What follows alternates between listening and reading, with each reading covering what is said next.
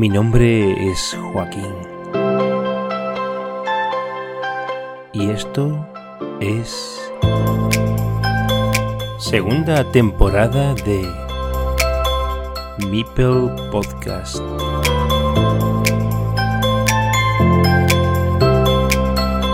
Welcome to Carcassonne.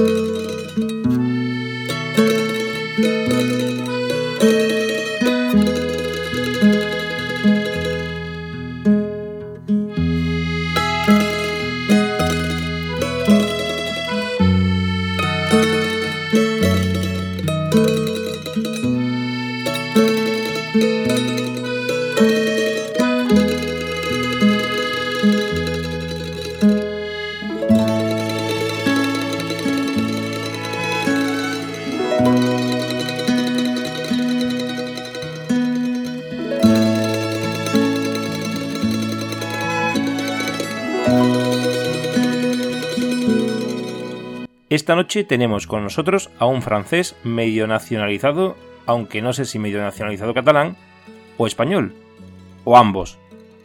Es un gran jugador, tanto de BGA como de presenciales, un chico muy interesante de entrevistar, que además ha llegado a semifinales en el último campeonato catalán que lleva a Essen. Creo que va a ser divertido oírlo en este espacio y quiero agradecerle enormemente su participación. David Bourdois conocido como Dev en Board Game Arena. Bienvenido a Mipel Podcast. Bonjour Joaquín, uh, muchas gracias ante todo por la invitación en tu podcast. Y, y nada, efectivamente uh, me siento como medio nacionalizado, ya que son ya 13 años que, estoy aquí viviendo en Barcelona. Así que nada, un tercio de, mi vida fuera de mi país. ¿Qué hace un galo en Hispania? Mira, esto es una historia un poco larga, pero la, la voy a intentar eh, hacer de manera breve. Durante mis estudios tuve la oportunidad de, de ir a estudiar a la Universidad de, de, Valencia, donde me quedé seis meses. Y luego uh, hice unas prácticas de seis meses también en Barcelona. Luego volví a Francia para acabar los estudios y el día que acabe no sabía de hecho lo que quería hacer, lo único eh, que sabía es que quería vivir en, Barcelona. Así que nada, busqué unas prácticas por aquí, luego esa empresa me hizo un contrato indefinido y ya, ya son 13 años ya. Y, y ahora mira, tengo mi mujer española aquí, mi hija, así que seguramente me quedaré unos años más por aquí. Cuéntanos cuál es tu experiencia en Carcassonne.cat y con qué jugadores guardas un vínculo especial, por cercanía, por amistad, etc. Mira, la experiencia en Carcassonne.cat muy chula. Um, estuve dos años, diría, como miembro del colectivo. Entré en 2019 al final pocos meses antes de que nos lanzáramos en el proyecto del Mundial por Equipos. Y eso fue una aventura increíble. Creo que no nos dimos cuenta en qué nos metíamos, pero estamos llenos de ilusión y, y al final fue, fue un éxito total. Quiero decir, tuvimos muchos equipos, más de 20 diría. Uh, luego tuvimos el apoyo de Spielzentrum, de Amsing Glück. Uh, que reconoció, reconoció oficialmente el torneo como, como mundial por equipos. Así que nada, no, no, fue, fue un éxito total y realmente un, un, placer estar dentro de este grupo. Y luego seguí un poco más, entonces estuve presente también para, para el primer europeo que hicimos.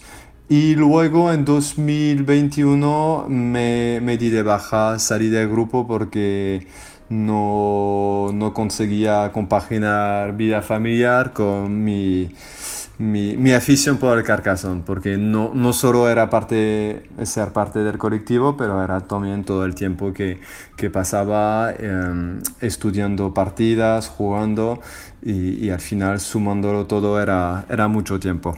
Y lo del vínculo especial, la verdad, eh, tengo muy buena amistad con todos ellos, incluso si estoy fuera del grupo, seguimos viéndonos de manera regular Ah, en torneos o, incluso charlando en la, en la BGA.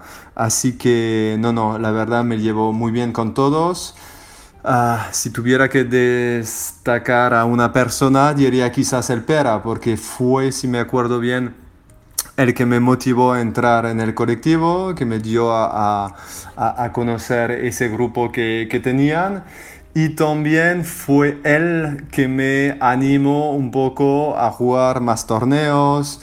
Ah, me explicó también el juego a 4 porque yo estaba perdido al principio. Solo había jugado un poco en la BGA a partir de 2018 y jugaba solo partidas uno contra uno. Y entonces cuando empecé a jugar torneo en vivo a 4 jugaba fatal porque iba, iba a destrozar todo. Ah, si, me acuerdo de una partida justamente con el Pera, donde estábamos compartiendo una ciudad y, y lo suyo era cerrarla entre los dos para dejar a los dos otros jugadores fuera. Pero yo por mi, mi vicio del el virus del egoísmo que, que hay en el modo uno contra uno, quise poner un segundo, que al final estaba, estaba muy mal jugado, pero el tío cogió el tiempo de, de, explicarme lo que al final sí que se tenía que hacer en el juego en uno contra uno, pero que, que había que cambiar en el juego a, a cuatro. Así que eso, diría el Pera, pero como te decía antes, me llevo bien con, con todos ellos. La versión del Nacional catalán es una versión mejorada de la final de Essen, donde lo que falta a esta fase final internacional para constituirse en un modelo a seguir es lo que hacéis vosotros, disputar los duelos de playoffs al mejor de tres partidas, algo que ya implantarais en los mundiales por equipos y los europeos desde Carcassonne.cat, pero complicado de ejecutar en Alemania por los tiempos requeridos para ello. Como ves, el campeonato catalán es muy reconocido. ¿Cómo, cómo contemplas eh, esta idea? ¿Cómo ves el Mundial individual y el Campeonato Catalán en este sentido? Creo que ya no está parte de la organización cuando se montó el formato del, del Nacional Catalán. Pero está claro que si hubiera formado todavía parte del grupo, hubiera apoyado el sistema en el que jugamos actualmente. Creo que es claramente la mejor opción posible. Uh, es una opción, un formato que reduce al máximo la varianza y creo que es lo que han buscado. Uh, la idea era enviar a Essen el jugador o uno de los jugadores con, con más potencial y, más nivel en uno contra uno. Entonces, creo que el formato es perfecto. Entiendo que no se puede aplicar a, Essen porque se juega en un día, lo mismo con el nacional español, pero al tener un formato en dos días, uh, se hace mucho más fácilmente y, claramente uh, para mí es la mejor opción que hay. Si pudieras participar en el Nacional de Madrid que organiza De Beer, ¿te plantearías tu participación en el clasificatorio catalán para Essen? ¿O necesariamente por proximidad y afinidad con el colectivo Puncat estás únicamente decidido a participar en este último? De hecho, puedo jugar el Nacional Español. en 2019 lo jugué y, y, acabé en tercera posición, pero la única regla que pone Ansim Glück es que solo puedes jugar un uh, clasificatorio para, uh, para uh, llegar a Essen. Entonces, o juegas el nacional español, o juegas el nacional catalán, o en mi caso, incluso puedo jugar el nacional francés. Creo, de hecho, que este año no hacen ningún nacional francés, pero eso no, no te lo había comentado. Pero en el 2020 estuve organizando el Nacional de, de, Francia. Era un nacional que habían organizado los años anteriores, pero que se estaba muriendo por la poca participación que había. Y al final me puse en contacto con eh, un jugador francés que se llama uh, Valderic en la BGA, que estuvo, me parece, tres veces campeón nacional de Francia y uh, me explicó un poco la problemática que tenían, que, que, el nacional se estaba muriendo, que Asmode, porque es Asmode que lo gestiona en Francia, ya no quería invertir más energía en ese proyecto y que si no había un mínimo de, de jugadores que se iba a morir. Entonces uh, empecé a organizar con ellos ese nacional, uh, explicándoles que varios jugadores de Cataluña uh, irían ahí a, a jugar el, el nacional en, en presencia. pero al final justo llegó el COVID y todo se canceló. Y fue una lástima porque ya todo estaba en marcha. Em, eh, lo había validado Asmode, se iba a jugar en, en Carcassonne. Y, esto, ya, ya habían preparado todos los premios, las mesas, pero, pero al final por el tema COVID se canceló. Así que nada, para volver a tu pregunta, uh, digamos que yo Uh, por proximidad está claro que prefiero jugar el, el nacional uh, catalán. Pero luego no digo que algún día vuelva a jugar el nacional español porque ese año no sé, no, no estoy disponible en las fechas del nacional catalán. O no digo que no vaya a Francia si lo vuelven a hacer porque al final es mi país y, me hace ilusión y porque también creo que el nivel e, es más flojo, así que no descarto nada. ¿Qué prefieres, a Dev o a David Bourdois? ¿Juego online o presenciales? A mí la verdad me gusta tanto el, el online como, como jugar en vivo. Al final son dos, dos modalidades totalmente distintas pero cada una tiene su especificidad. Por ejemplo, online es el sitio perfecto para, para ir probando nuevas estrategias. Es que al final estás en casa y, y en una tarde le echas 7 8 partidas rápidamente. Entonces, digamos que es el sitio perfecto para ir mejorando. Además, eh, lo bueno del online, de la plataforma BGA, es que puedes uh, ver las partidas de, de, los otros jugadores. Y yo, ahora quizás menos, pero todavía hace dos, tres años, creo que pasaba tanto tiempo estudiando partidas de los demás como estudiando, uh, como jugando. Y, y, eso, al final estudiaba, no sé, partidas al principio cuando empecé de Nocebo Someone You luego empecé a, a, seguir más bien las partidas de Pinder, uh, de Alexei, y al final, para mí por lo menos, ha sido el, mejor método para mejorar y, llegar a, un nivel de juego alto. Y luego el, el, vivo sí, sí que me encanta, pero no tiene nada que ver. Aquí estás frente a tu adversario y, y, eso, hay ese vínculo social que, que también buscamos. Uh, así que no descartaría ni uno de los dos, creo que los dos son totalmente complementarios. Háblanos de tu nick. ¿Qué significado tiene? Este nick es un poco una chorrada. Creo que empezó hace 15 años cuando empecé la universidad y teníamos un foro donde teníamos que elegir un, un, nombre. Y se ve que en ese momento había un rapero francés que se llamaba Def Bond. Uh, entonces cogí la, la Def de Def Bond y creo que, mira, había visto una peli con James Dean o algo así, me había hecho gracia y, y había combinado las dos. Y al final se quedó en, en Dev Dean, nada más. No hace mucho accediste a la comunidad Carcassonne Spain, al menos al chat de Telegram, donde tiene cabida la representación de los integrantes de esta comunidad. ¿Qué te ha motivado a participar en ella? Conocía Carcassonne Spain de nombre, pero al final ya que no, no, utilizo, no utilizaba Telegram, tampoco había entrado en el grupo hasta ahora. pero eh, lo descubrí un poco más siguiendo, creo, un Twitch de, que habíais montado.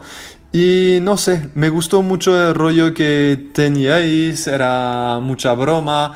Al final no era solo seguir una partida de Carcassonne, era seguir buen rollo de, de, de Frank, eh, creo que se llama, el, el que lleva el canal.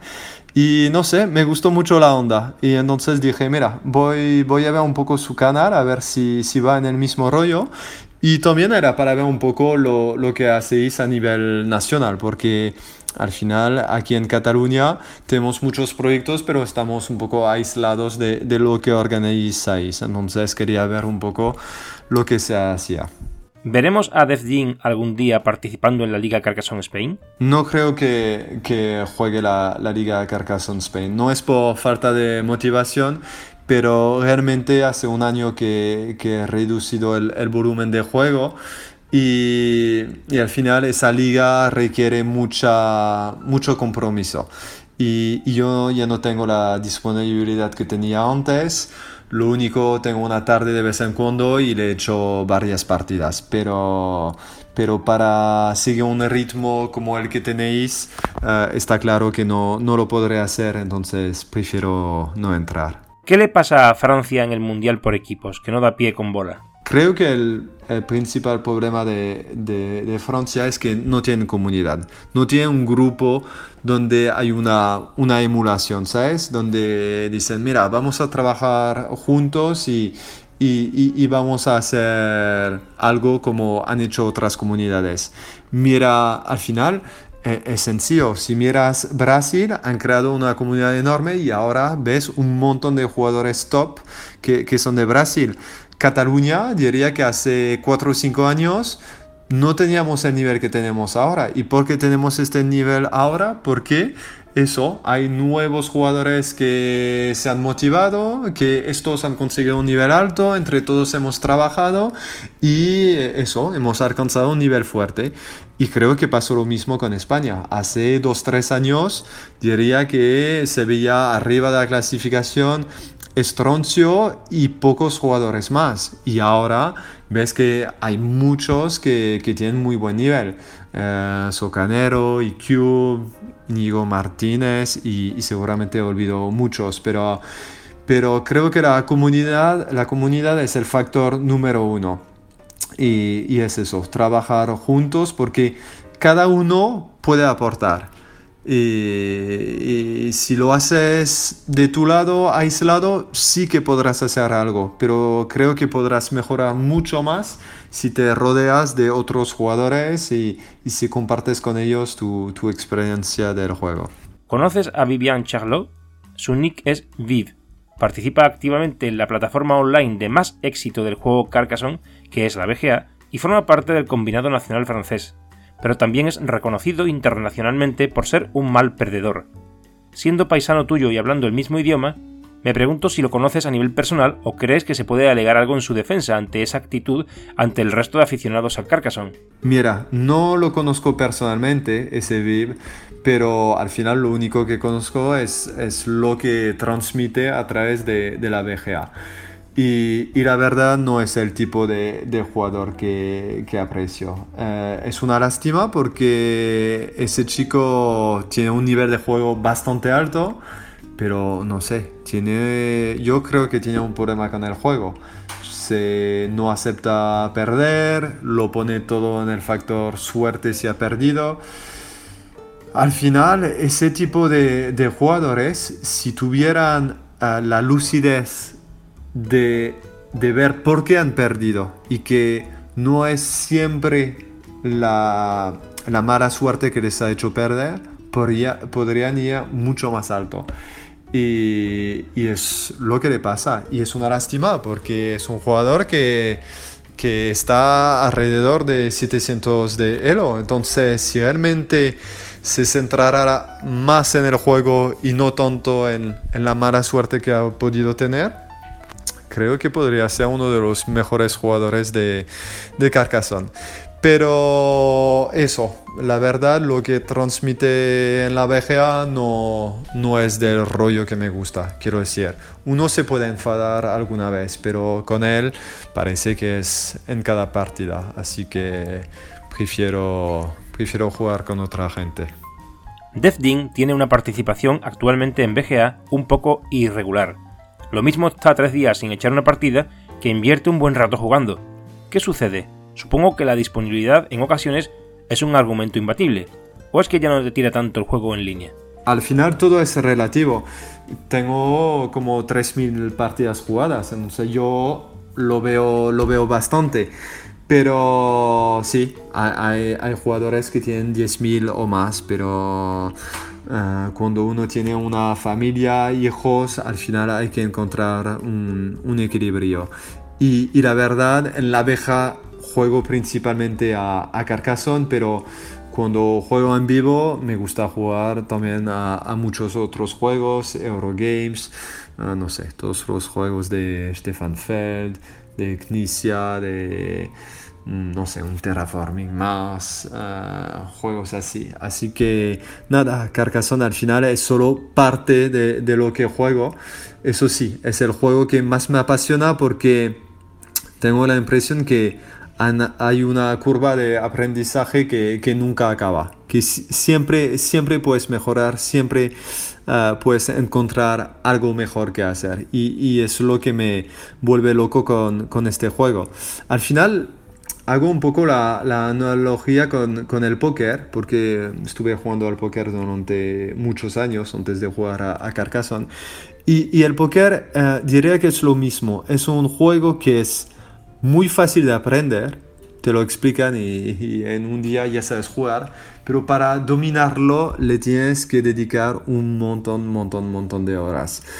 Y, y el Carcassonne al final es lo mismo, es lo mismo. Uh, al final alguien se podrá enganchar rápidamente, pero para llegar a un nivel de, no sé, 700 o más, le tendrás que, que, dedicar horas, estudiar a, a los demás y, y, eso. Y es, es lo que me gusta de este juego. ¿Cuáles son tus metas para Carcassonne en la actualidad y en un futuro próximo? Mis metas están claras. Lo que quiero es ir a jugar un, un mundial. Creo que tengo el nivel, pero es eso. En Cataluña tenemos uh, como 10 jugadores Ah, casi que tiene el potencial para ir a Essen. Entonces, incluso si me considero dentro de, de los mejores de Cataluña, uh, la probabilidad de que vaya pronto tampoco es tan alta. Pero sigue siendo mi meta. Y, y, y no lo he podido conseguir en 2019, donde acabé tercero de España tampoco este año, donde acabé tercero también, pero, pero estoy convencido que, que algún año lo, lo, conseguiré. Y me hace mucha ilusión por dos motivos. Uno, porque al final sé que ahí me cruzaré con muchos amigos, amigos online de, de la BGA y, y, por ese tema social me, me hace mucha ilusión. Y segundo, porque al final cuando quieres ser en, dentro de los mejores de, del juego, al final te quieres enfrentar a, a, los mejores jugadores internacionales. Y al final es lo que, que se puede hacer ahí. Así que, que, nada, ese es mi objetivo y espero que, que en pocos años ya, ya lo podré cumplir. Te voy a hacer unas preguntas de cierre de la entrevista. La primera, ¿qué juego te llevarías a una isla desierta? Creo que a una isla desierta, uh, contando que no, no, estaré solo en esta isla, me llevaría de hecho una, una, baraja de 52 cartas. Porque al final puedes hacer muchas cosas. Puedes jugar al póker, uh, luego guardando solo 32 cartas podría jugar a la Belot, que es el juego que he jugado toda, toda mi vida. Hace 30 años que juego a, a este juego y no me canso, que es como un tute, pero un tute más, uh, más chulo. Que de hecho se puede jugar en la BGA. Lo juego bastante, pero el problema es que uh, no puedes, o sí, quizás hay un modo donde puedes elegir con quién uh, juegas, pero si juegas en arena te ponen un, un compañero aleatorio y pff, hay muchos jugadores que, que tienen poco nivel y y al final es un poco, es un poco aburrido. Al final lo, bonito de ese juego es jugar con una pareja que, que conoce su estilo de juego y le entiendes, ¿sabes? Y por esto, por esto me, me llevaría una, una, baraja de cartas que, que, da bastante flexibilidad para jugar a muchos juegos. La segunda pregunta, ¿a quién te gustaría que entrevistara en Mipel Podcast? Veo a dos personas que podrían estar interesantes para tu podcast y para que les haga una entrevista. Primero, un jugador, uh, Dani García. Uh, es un jugador catalán muy potente uh, y creo que podría ser muy interesante porque es un jugador, diría, un poco de la vieja escuela, ¿sabes? Uh, creo que es uno de los que está en el circuito de, de Carcassonne desde hace más tiempo, que participó en el Mundial de Essen en 2013 o 14 y estoy seguro que tendrá muchas anécdotas que contar. Y, creo que puede ser interesante porque al final ah, veo que has entrevistado a muchos jugadores, digamos, bastante recientes en, ese mundillo y él quizás tiene otro punto de vista porque hace muchos años que, que, que está en el circuito. Y la segunda persona, que no, no es un jugador de Carcassonne, pero creo que puede ser interesante, sería Xavi Garriga, que es el director de publicación de Debier. Y al final, solo para preguntarle cómo valora el nacional eh, español de, de, este año, que era parecido, porque era la primera vez que se hacía el, eh, dos torneos distintos, uno familiar y uno, eh, digamos, más competitivo.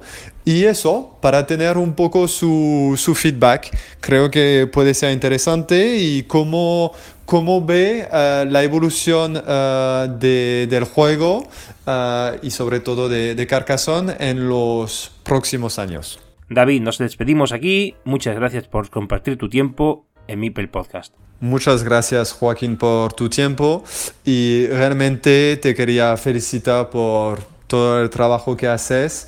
Uh, creo que no te das cuenta de, del número de personas que sigue con mucha atención uh, tus podcasts. Uh, como te lo había comentado alguna vez, yo me los pongo en el coche para ir al trabajo y, y realmente es un placer. Así que sigue así, que lo, lo estás haciendo genial. Nos vemos pronto. Chao. A todos los oyentes, muchas gracias por estar ahí. Nos vemos en el siguiente episodio.